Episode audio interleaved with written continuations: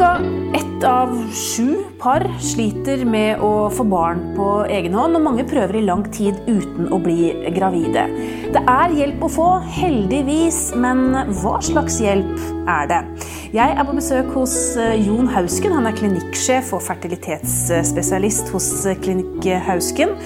Og Jon, vi har jo laget episoder før hvor vi har snakket om eh, hvorfor det er vanskelig å bli gravid, og det har du svart veldig godt og inngående på i den episoden. Men så er det dette med hjelp, da. Eh, alle har jo f.eks. hørt om dette begrepet IVF. Det er, det er jo hjelp å få ehm, assistert befruktning. Hvordan gjør dere det? Ja, vi kan godt gå rett på IVF. Ja, eller om du har et annet forslag, så gjerne for meg. Ja, nei, altså jeg tenkte, altså, For det første er det jo dette å søke hjelp, og da må du søke hjelp i rett instans, tenker jeg. fordi at det, det er jo ofte sånn at det du driver med, det kan du.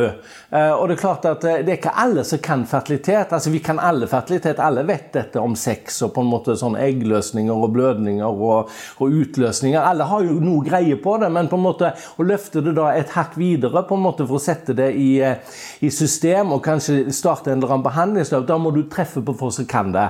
Så mitt gode råd er hvis de ikke blir gravid, så er det på en måte istedenfor liksom å gå runddansen kanskje rundt uh, sin, sin, fastlege og på en måte mange, mange, runder i systemet, det er å søke mer direkte til folk som driver med det på daglig vis. En fertilitetsklinikk? Ja, jeg, jeg ville gjort det. det. Og det er såpass godt tilbud i dag altså en privat, pri, privat fertilitetsklinikk. Fordi at det er så godt tilbud i dag. for Det trenger ikke bety at du skal ta behandlingen der, for det blir fort dyrt. Det skal jeg snakke om. Men en konsultasjon, 1350 kroner eller hva de nå tar, altså, det har en kanskje råd til. ikke sant? Fordi at det, Da kommer en raskt til og får en god vurdering og vet hva en skal gjøre. Så kan en kanskje ta det med seg videre i systemet. Mm. For hvis du skal vente på poliklinikken og alt dette her, så tar ting et år før du nesten er kommet videre. Ok, Så det var det gode rådet. Men ok, hva, hva, hva gjør vi da i det offentlige og i det private? For vi, vi gjør jo det samme. Forskjellen eh, er jo at det offentlige kan gi deg et, et, nærmest et gratis tilbud, fordi at eh, samfunnet har bestemt seg for at vi skal gi tre forsøk til par som ikke blir gravide. Eh, og så er det jo dette med medisinering, for medisinene koster veldig mye nemlig når det gjelder hormonstimulering. Der er det sånn at det er satt et tak ved ca. 17 000 kroner. Så hvis du bruker mer enn det, og det gjør du fort hvis du må opp i to-tre forsøk, så dekker staten òg det. Så det er et rimelig godt tilbud. Og hvorfor er det satt tre forsøk? Jo, fordi at nesten 70% blir da gravide med assistert befruktning innenfor tre forsøk. Så sånn sett er det fornuftig. Og hva er IVF? Eh, IVF er ganske enkelt litt matematikk. Fordi jeg har nevnt det i en tidligere sammenheng, at eh, det er jo ikke alle eggene som kan oppnå eh, graviditet, eller har kapasitet til å kunne utvikle seg til et lite foster og barn. Men hvis jeg gjør prøverør, så er det en hormonstimulering, slik at det er flere egg som modnes. Vanligvis er det jo ett egg som modnes helt opp. Jeg gir en stimulering eller en protokoll og skaper ti la oss si ti egg. Da er jeg i utgangspunktet altså ti ganger bedre, fordi at det jeg gjør da med de ti eggene For jeg kan ikke se på de hvem blir barn. Men vi gjør mannen bedre med å gjøre noen triks med spermiene. Så tilsetter vi da friske, vitale, godt svømmende spermier. 100 000 til hvert egg. Og Det ligger altså oppi sånne skåler som ligger da inne i sånne dyrkningsskap, som det heter. Så kan vi se neste dag hvor mange av eggene ble befrukta. For det kan ikke vi si i utgangspunktet. Så ser vi jo det var sju som oppnådde normal befruktning. Disse sju nå, som da er blitt befrukta, de vil jo nå starte å dele seg. Disse blir da lagt inn i spesialskap med et kamera som er mot hvert egg, eller embryo, som det da heter når det begynner å dele seg. Og da følger vi de, og det er veldig spennende, fordi det blir tatt bilder hvert tiende minutt. Du kan ta hvert femte minutt, men det er ikke nødvendig. Eh, hvert tiende minutt, og da får du en film. Og den sitter vi og ser på. Da kan vi se er dette et embryo med kapasitet. Det betyr det er et rolig avslappa embryo som plutselig Nå! Deler det seg, og det tar raskt og fint, og så er det tilbake i en litt sånn rolig tilstand. Et egg som f.eks. driver og strever, og liksom du ser liksom at det, det, er bevegelser, og 'Nå har jeg lyst til å dele meg, men det gikk ikke.' Nei, nå, da, nei, nei, nå, og der gikk delingen. Så at det, de bruker litt tid på det. Det er dårlige Så et silent embryo som bruker energi fornuftig. Så ser vi òg på timeline. Det betyr ok, etter tolv timer skal første delingen skje. Etter så og så mange timer neste deling, og det skal bruke så og så lang tid, og det skal være synkron. sånn at Hvis du f.eks. har to celler, så er det sånn at hvis det ene deler seg først, og det går en time før neste deler seg, så er det òg dårlig.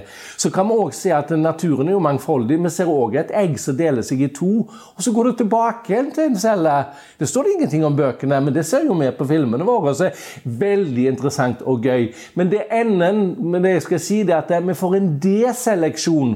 Av de ti som starta, så forsvant det tre ut som ikke ble befrukta. Så forsvant det to tidlig fordi at de oppførte seg veldig rart. Og så er det tre til som har vært litt urolige og hatt litt for seine egler. Til slutt så sitter du igjen med ett eller to som har hatt en perfekt reis, og de gir da ofte graviditet. Wow! Ja. Det har jeg aldri hørt før. At det, er, at det er så vitenskapelig dere går til verks.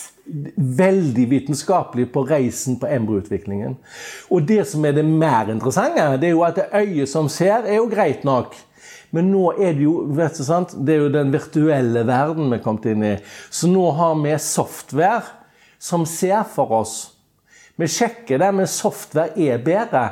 Fordi de har lagt inn 84 stopp som de kontrollerer. Og når mennesker kontrollerer, så kunne vi kanskje gjort alle 84, men ofte så gjør en ikke det. En ser liksom mer på en sånn OK, det var ikke bra, det var sånn. Men de softwaren er mer systematisk. Den tar minutt for minutt, den, på en måte, og så går. Så da får vi systemer som plukker ut embryo for oss, og da kan det av og til være at og jeg sier du det, er det det som er det beste? Jeg ville jo trodd det var det. Og da har som oftest altså softwaren rett. Men det betyr jo at det må ha skjedd en voldsom utvikling på dette feltet siden du begynte, egentlig? Ja, det har det. Altså, hvis vi, hvis vi, tar begynnelsen Det er jo veldig morsomt, fordi jeg har en far som startet dette her, som var en av pionerene. Og jeg, og jeg har vært med på reisen hele tiden, for vi snakket ikke om noe annet på kaffe med frokostbordet. så jeg har, aldri, jeg har jo veldig snev av verden, så jeg kan ikke noen ting annet. Og da er det sånn at eh, da kunne de Altså, det var en av de første pasientene det var sånn at de, de, trodde kanskje det hadde befrukta seg, men så hadde det visst ikke det allikevel. Så det hadde gått to dager. Det skal jo skje i løpet av det første døgnet. Sånn. Så far min han dro nå på en hytte han inne i Sauda. Og så var det denne eh, embryologen eller den på laben som fulgte det. Og på femte dagen så lurte hun på Hun trodde det hadde delt seg. altså I dag så kan du jo le av det. Og så fikk hun ambulansen, for hun fikk ikke tak i den. Det var jo den tiden det var ikke mobil. Så altså ambulansen fra Haugesund sykehus kjørte til Sauda. Og han ambulansesjåføren tok på seg truger og gikk opp til hytten og henta far min, for det var kanskje et egg som hadde delt seg etter fem døgn. Altså, Vi vet jo at det ikke vil gå bra. Og han tilbake og satte inn dette som de trodde kanskje hadde delt seg. Så altså, De visste jo null. Og jeg husker også han fortalte at i starten satt jo inn alt de hadde, for de visste ikke om det var egg engang. Så liksom det var noen celler celler. Så må bare sette det inn. Så ja, det har skjedd mye. Fantastisk. Men, men, det betyr jo at eh, med teknologi så er det jo virkelig gode muligheter for å bli gravid. Og det blir faktisk mye bedre òg nå. Altså Dette med billedgjenkjenning er jo aldri bedre enn den softwaren som vi har. Men den utvikles nå. Det er store firmaer med, med god økonomi, og da blir det ofte bra. Det kan være at de kommer til å tjene noen penger på det, men det blir bra software.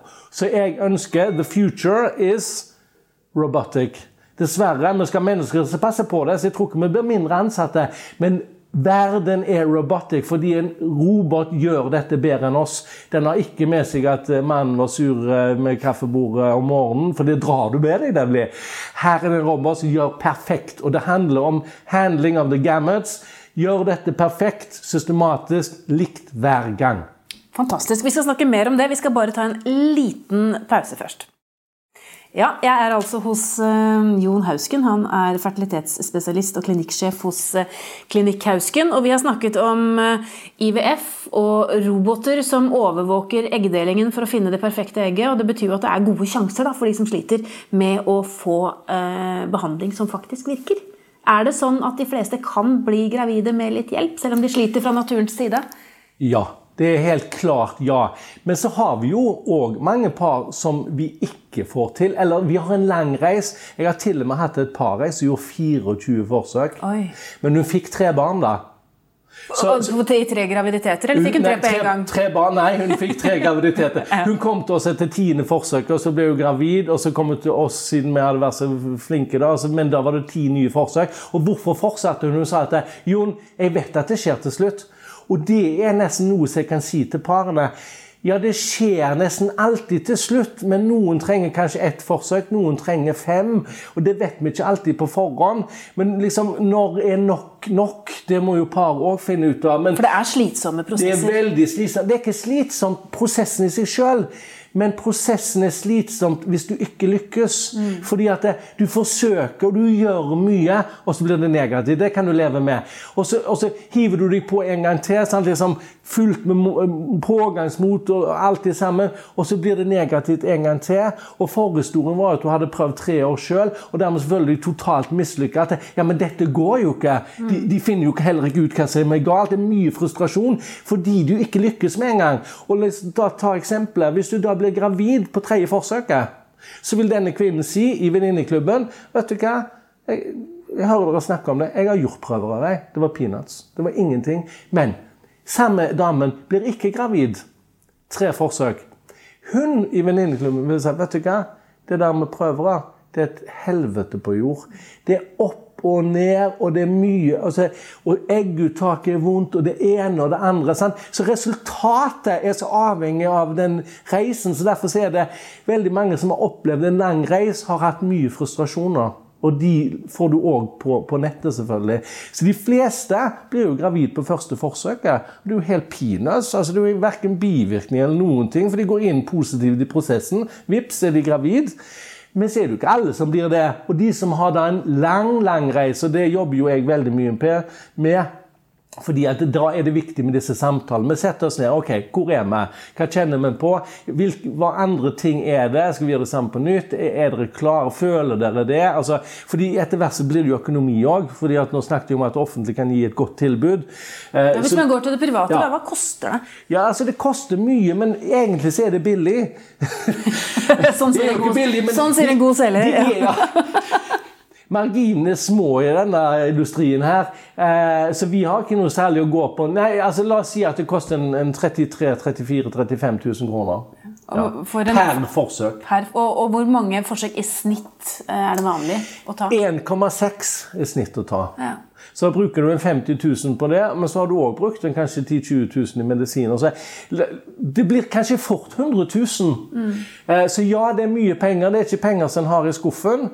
Men mange har jo på en måte da, får jo kanskje noe som du vil gjerne betale 100 000 kroner for. Men problemet mitt og andre som driver det, det er jo aldri garantier. Mm. Det kan se ut som om dette vil være veldig enkelt å hjelpe til, og så blir det ikke det. Og så har du noen som jeg tenker, fordi du gjør det jo alltid Første gang du treffer mennesker, så gjør du en vurdering. tenker jeg, dette går aldri. Tenker du det? Ja, Dessverre. altså Ja, det, det, det ramler ned i hodet på meg. Fordi? Eh, fordi, stakkars, Dette kan være en flott dame, der, så det har ikke noe med verken utseende eller noen ting. Men eh, hun gir meg en story, så jeg vet at dette blir vanskelig. Hun har kanskje en lang endometrosestory, Hun har kanskje hatt mange forsøk før. Eh, det har vært dårlig eh, eh. Det har kanskje ofte ikke vært noe å sette inn. Og så ser jeg på ultralyd, ja, men det er jo ikke eggreserver heller, og blodprøvene passer med det samme. Altså, jeg ser jo at dette ser håpløst ut, og tenker at dette Men så plutselig så smeller de til på første forsøk. Ja, da må vi av og til le. Så det er egentlig ingen fasit? Det er ikke noen fasit.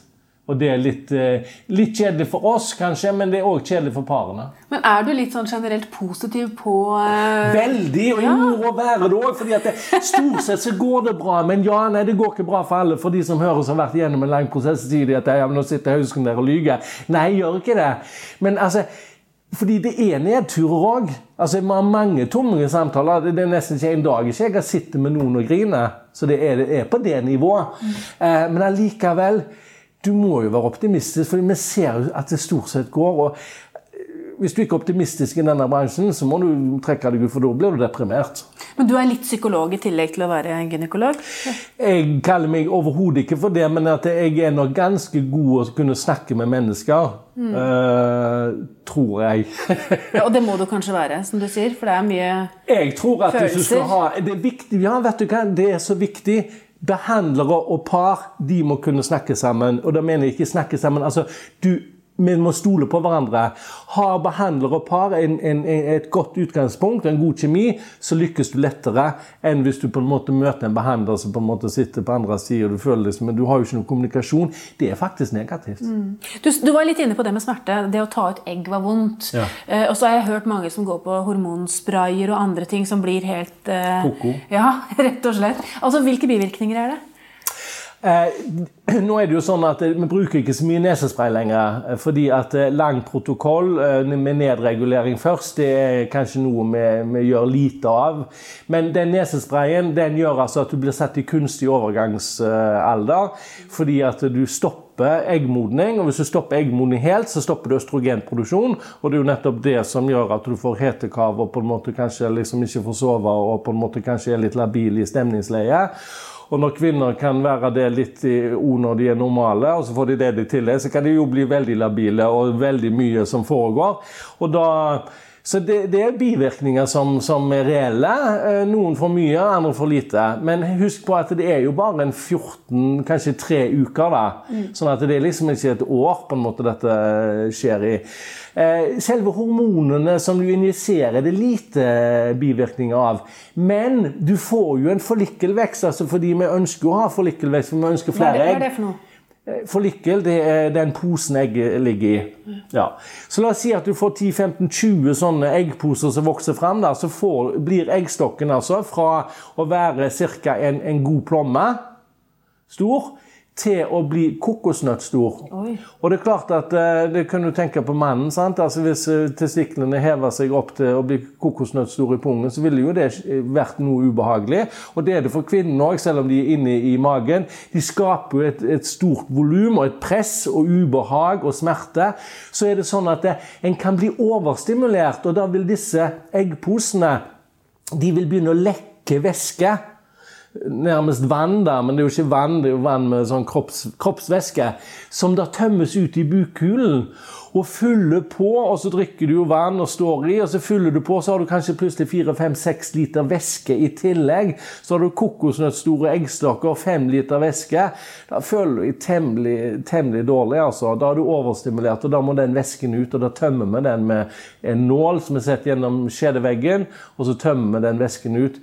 Eh, men så kan det repetere seg. Så, ja, det er bivirkninger med hormoner. Men er det sånn at man kan måtte bli sykemeldt? Altså, man blir ja, så dårlig? Ja, det hender. De fleste er ikke det. Jeg vil si at uh, eh, Pga. symptomer så er det kanskje bare én av 20 som blir sykemeldt. Men det er noen flere som blir sykemeldt, fordi at det, eh, det er jo en prosess å gå gjennom. på en måte, og, og, og, de har kanskje vært gjennom mye, så de føler akkurat rundt egguttak så vil de gjerne på en måte ha et par dager. og, og det får de ofte, da. Mm, mm, mm. Ja, på egguttaket må de jo da, de er jo neddopa òg, så de kan jo ikke, kan ikke, gå på jobb da. Ja. Men det er altså flere veier til eh, babyen, eh, for å si det sånn, eh, når det gjelder assistert befruktning. Flere måter å, å gjøre det på, men eh, sjansen er i hvert fall stor for at det finnes en måte som passer de fleste.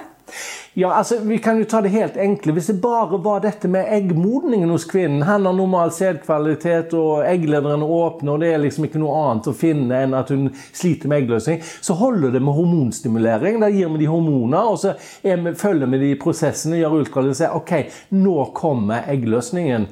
Og Da er det nesten sånn at de kan ringe hjem til mannen, men det er ikke fullt sånn. da. Eh, så sier vi OK, nå skal du ha samleie i kveld. Det er jo den der tima samleiegruppen. Det er en ganske stor gruppe, det òg. Så er det de som ikke blir gravid på det, hvor det kanskje er noe med mannen. Han er liksom ikke veldig dårlig, men han er ikke helt topp heller. Da kan du gjøre en inseminering. Altså, Du gir kanskje en liten hormonstimulering. Du timer det inn mot en inseminering hvor du har optimalisert mannen. Da har du gjort han bedre, hun bedre bedre, og timingen. så er det hvis ikke det går, så er det da IVF. Men IVF har flere fasetter, som du sier, fordi at eh, mannen er jo viktig. Og mye viktigere, det burde vi snakket mye om, mannen er mye viktigere enn vi har trodd. fordi at selv en, en normal sædkvalitet så kan det være noe med mannen. Det har noe med DNA-fragmentering å gjøre. Det tester vi i dag. Eh, så du kan ha helt normal sædkvalitet, men så er omtrent ingen normale sædceller likevel. Og det er klart, Da blir det jo et problem. Sant? Så har vi gitt beskjed om han har normal sædkvalitet, og du er fin, bare fortsett. Og så har han altså et kjempeproblem. Men det kan vi teste i dag. Og så kan vi gi hormonstimulering til mannen. Det gjorde vi ikke før. Eh, er de overvektige, f.eks., og har redusert sædkvalitet, så kan vi gi noe som heter aromatasehemmer. Som eh, er det samme som kvinner får når de har brystkreft. Aromatase hemmer gjør at mannlig hormon blir ikke konvertert til østrogen. Og Det skjer nemlig òg ute i fettcellene. Så hvis du har litt økt fettmasse, mannen, så konverterer han testosteronet sitt over til østrogen. Og det liker jo sædproduksjonen veldig dårlig. Så da gir vi tabletter for det. på en måte. Det hjelper ofte den gruppen der til å forbedre sædkvalitet. Og det handler jo alltid om det. Litt bedre her, litt bedre der så går det kanskje hjemme òg. Eller det går iallfall bedre på prøverør. Men tilbake til prøverør. Eh, hvis mannen har veldig dårlig sædkvalitet, så gjør vi noe som heter ICSI. Altså, vi har henta ut egg. Det er supert. Altså, Jeg er blitt mye bedre. Jeg har mange egg å velge i. Men så er jo han elendig, hvis vi kan bruke det uttrykket. Og da er det sånn at vi under mikroskop med 400 ganger forstørrelse leter direkte og ser mm, den spermien, mm, Der var det en superspermie. Fanger vi den opp? Og dette med joystick, for dette går ikke an å gjøre med liksom bare hender og sprøyte. Eh, så dette er inni en, inn en maskin. Eh, tar vi den, og så har vi egget. Og så injiserer vi direkte. Det har sikkert mange sett på TV. Du har egget, og så ser du nål som går inn. Da hjelper vi til med befruktning. Intracytoplasmatic sperm injection. Så har du alle disse mennene, og det er ganske mange av de òg, som har så dårlig sædproduksjon at de kommer ikke ut engang. Eh, da må vi hente dem fra testikkel. Det kan en gjøre veldig enkelt, kanskje bare med nål, aspirere fra bitestikkel, eller en må ta biopsi. Eller de som har så veldig dårlig at vi faktisk må gjøre noe som heter mikrotese. Da legger man på benken, og så med, i lokal anestesi åpner vi pungen. Vi åpner testikkelen, bretter den ut, og under mikroskop, som har en kjempeforstørrelse, så leter vi etter spots hvor det er sædproduksjon. Fordi at eh, Tar du blinde biopsier, så kan du miste det hos de som er veldig dårlige. Og så tar vi ok, der er det sædproduksjon, så tar vi en liten der. Så det er veldig mange menn, og det må de høre nå, de som har vært og tatt biopsi hvor det ikke har vært spermier og fått beskjed om det er bare donor som hjelper, så er ikke det helt rett. altså. Leter du nøye nok, så finner du spermier. Det, det er ikke dermed betyr at vi kan hjelpe dem, men utgangspunktet er jo bedre hvis en finner spermier enn hvis en ikke finner. Wow. Det er, dette er jo en voldsom rivende utvikling. Mye mer eh, teknologisk enn jeg hadde trodd at det var. Eh, blir det har flytta oss fra sengehelmen og inn i laboratoriet, ja. ja. Og nå kommer robotene i tillegg. Hvor ender dette? Er det sånn at alle vil få barn til slutt? Ja. Det tror jeg nok, fordi at jeg håper jo fordi at Erna Solberg gikk ut og sa at nå må norske kvinner føde barn nesten med en pekefinger. Og Det er jo, det er jo, det er jo en veldig idiotisk måte å takle det problemet. For ja, det er veldig mange kvinner som ønsker egentlig å få barn, men forholdene blir jo ikke lagt til rette for dem. Mm. Det er klart offentlige tilbud kunne vært enda bedre, men det som jeg nå tenker på, det er jo f.eks. dette med social freezing, eller proaktiv frys. Det er at du fryser ned egg til senere bruk. At du gjør det tidlig? Du gjør det tidlig. Mm. Det kommer. Du kan synes det er dumt. Men om 100 år ja visst kommer folk til å gjøre det. Og det kommer sannsynligvis til å være som når bokser ut med veien at du bare kan gå inn og løfte opp skjørtet, så skjer det automatisk en eggutthet. Ja, da tuller jeg litt. Men altså, dette kommer til å være easy-peasy greier, og det kommer folk til å gjøre. Hvorfor skal noen gjøre det? Fordi at det, Du har den etiske, moralske greien. altså Du kan føle deg prest til å gjøre det. Venninnegjengen sier det, og mor hadde problemer. nesten, så Plutselig er du 15 år, så blir du sendt av gårde. Så ja da, det er problemer med det òg, men det er mye positivt. Fordi noen damer, nemlig, når vi kommer tilbake til årsaker, har noe som heter POFF. Prematur ovarian failure. Jeg har møtt mange av de. Det at egg, eggreserven er vekk allerede når du er 21 år. Ja. Hvis du treffer på de tidlig nok, så kan du se det. på en måte. Jeg har flere som kommer de 25 år skal komme til den første celleprøven og sier oi, sånn her var det litt dårlig. Kanskje vi skal ta en AMH, det er en blodprøve som viser det. Og så sier ok, så sier det forsiktig at du har nok ikke sånn supre eggreserver. Og så har vi litt diskusjon om det. Og noen av disse reiser og gjør nedfrysning av egg, for det er kanskje fem år til de har tenkt å få barn. Og da har de sikra seg. Og Sånn kan vi gjøre med spermie. Og så er det dette med eggdonasjon. ikke sant? Altså Hvis vi tillater det når vi gjør sæddonasjon, så kan vi gjøre eggdonasjon. Så jeg tror vi kan hjelpe alle til slutt. Men vi må legge forholdene til rette. Så hvis en politiker sier at dere må føde barn, så må du òg legge forholdene til rette for at de faktisk kan ta eh, gode valg. Det er en kjempestor diskusjon. Jeg tror vi stopper der, ja. men du har kommet med masse gode råd. Eh, tusen takk skal du ha, eh, Jon Hausken. Du er altså fertilitetsspesialist og klinikksjef hos Klinikk Hausken. Hvis du lurer på mer om dette temaet, finner du mange artikler på babyverden.no og diskusjoner med andre i Babyverdens forum. Hvis du ikke allerede har lastet ned appen vår, Gravid og barn, så anbefaler jeg deg å gjøre det med en gang, så kan du følge utviklingen til barnet ditt dag for dag og uke for uke. Siden du er opptatt av graviditet og barn, kan det også være lurt å abonnere på Babyverdens podkast, så får du nye episoder automatisk hver uke. Det er også vi som lager podkastserien Gravid uke for uke. Den bør du også få med deg hvis du har barn i magen. Har du kommentarer eller et tema du ønsker at vi skal belyse, så kan du sende en e-post til podkast at babyverden.no. Men husk at vi som lager denne podkasten er journalister og ikke helsepersonell. Så hvis du har medisinske spørsmål, må du ta kontakt med jordmor eller fastlegen din. Ha det godt til vi høres igjen.